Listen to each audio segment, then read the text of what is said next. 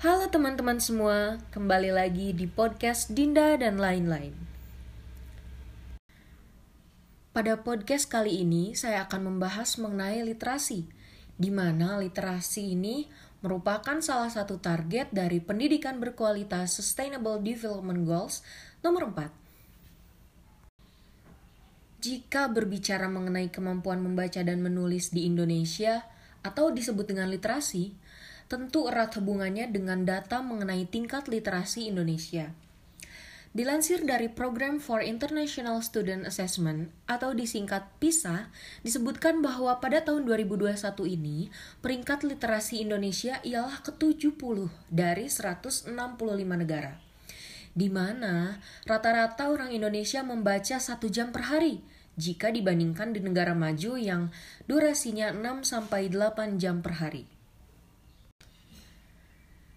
Dalam Sustainable Development Goals 4, yaitu pendidikan berkualitas, bertujuan pada tahun 2030 bahwa semua remaja dan proporsi yang substansial dari orang-orang dewasa, baik laki-laki maupun perempuan, mencapai kemampuan baca tulis dan kemampuan berhitung.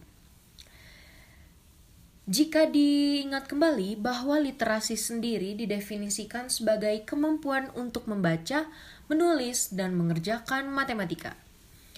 Matematika atau numerasi di sini merujuk pada kemampuan memahami dan menggunakan matematika dalam berbagai konteks untuk memecahkan masalah, serta mampu menjelaskan kepada orang lain bagaimana menggunakan matematika.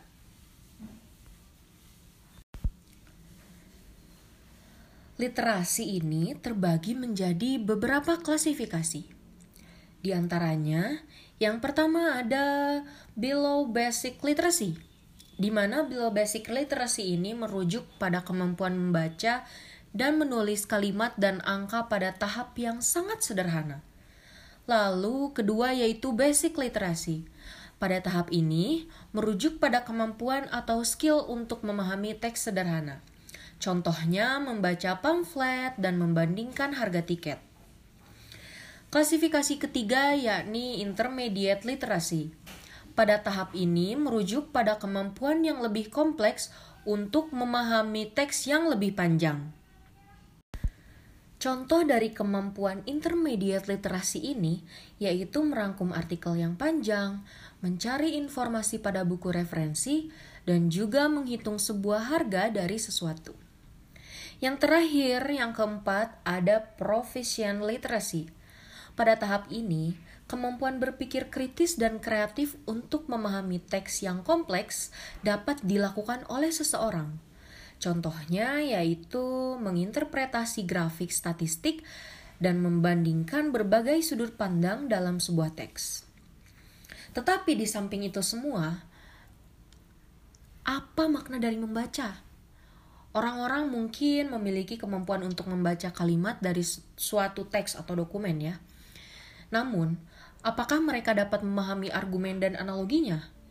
Lalu bagaimana dengan menulis? Contohnya, para siswa mungkin dapat menulis kalimat, namun dapatkah mereka mengungkapkan gagasannya yang lengkap dan kuat? Yang terakhir, matematika atau numerasi. Mungkin orang-orang bisa menghitung jumlah angka. Namun, Apakah mereka tahu cara menganalisis grafik, menginterpretasi statistik, ataupun merencanakan sebuah anggaran?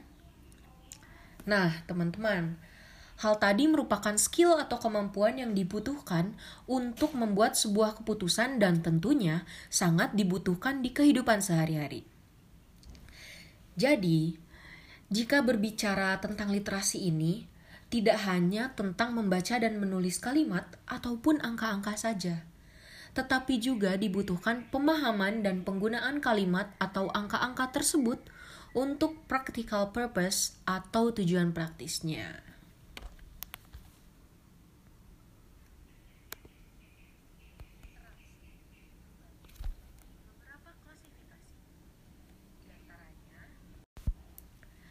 Nah, jadi teman-teman, dari keempat klasifikasi literasi yang telah saya sebutkan tadi, menurut teman-teman, rata-rata orang Indonesia sudah berada di klasifikasi yang mana ya?